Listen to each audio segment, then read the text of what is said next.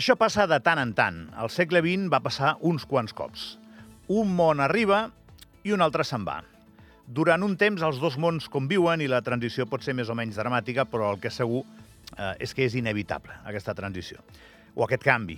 Un bon dia Steve Jobs, robant idees d'aquí i d'allà, va aconseguir arrodonir una eina que ha canviat el nostre món completament, l'smartphone. L'ús de les pantalles en la nostra vida diària, sobretot a través del mòbil, però hi hem d'afegir tablets, ordinadors i Smart TV, s'ha multiplicat de manera absoluta. Primer va arribar la carretera, internet, i després vam anar afinant els vehicles fins que l'smartphone va canviar per sempre més el panorama. I quan diem per sempre més, és per sempre més. I l'ésser humà, com sempre, acaba trobant la manera de generar-se oportunitats d'èxit en funció de l'ecosistema en el que viu. Aquesta tempesta perfecta ha generat un munt d'oficis molt ben remunerats. Els primers eminentment tecnològics o relacionats amb l'àmbit de la programació. Els darrers, i de forma molt visible, no pot ser d'una altra manera, relacionats amb el món de l'entreteniment. Us parlo, òbviament, dels coneguts com creadors de contingut, un paraigües que acull perfils professionals molt diversos que gairebé sempre acaben tenint alguna relació amb el món dels videojocs. No sempre, però gairebé sempre. I aquesta revolució s'ha consolidat en el nostre món sense que els que ja érem adults, quan arribava aquesta revolució, ens haguem acabat d'adonar del tot de com passava. Eh? I un bon dia hem tornat a mirar el món i ens hem trobat tot de gent molt jove que guanyen unes quantitats de galers que ens resulten incomprensibles.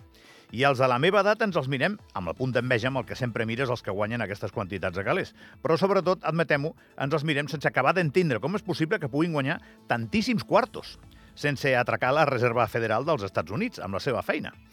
Però els guanyen, i a més, i tenen tot el dret, se'ls gasten ràpid, i molts d'ells en fan ostentació, amb cotxes d'alta gamma, sobretot, dels que es veuen i s'escolten. Tots els streamers són així? No. Segur que tots no, però uns quants sí que ho són. I Andorra és massa petit com perquè no se'ls vegi un munt.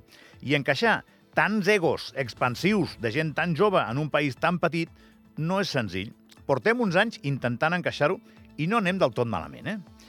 Els impostos, els impostos quantiosos que paguen aquests nois i noies acaben anant a les arques públiques i serveixen després per finançar el nostre estat del benestar.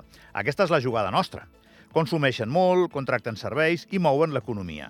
La pega, i no és petita, és que sembla que han contribuït poderosament a fer que el preu de l'habitatge s'hagi disparat per allò de l'oferta i la demanda. Han contribuït sense planejar-ho ells, compte, i amb el vistiplau de molta gent del país que ha fet negoci i fa negoci amb això. No és culpa d'ells.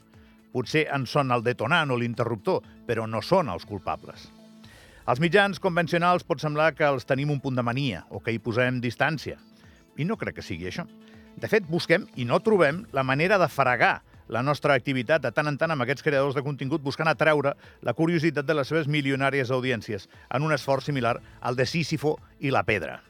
No funciona. No a Andorra. En lloc. Els creadors de contingut van en paral·lel als mitjans de tota la vida. No és gens fàcil creuar-los. Ells tenen el seu públic i nosaltres el nostre.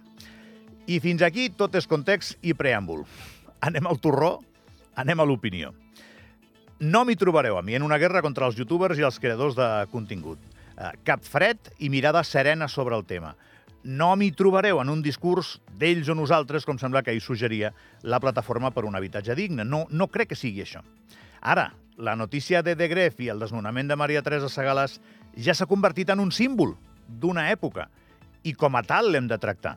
La reacció de David Cánovas, de De Gref, ha estat molt criticable i en comptes de mirar d'entendre les sensibilitats a flor de pell que es barregen en tota aquesta història s'ha dedicat a vessar més gasolina al foc tant per la ironia que hi posa com, perquè, com per com va reaccionar donant per fetes realitats, que com a mínim són discutibles. I ahir va quedar clar.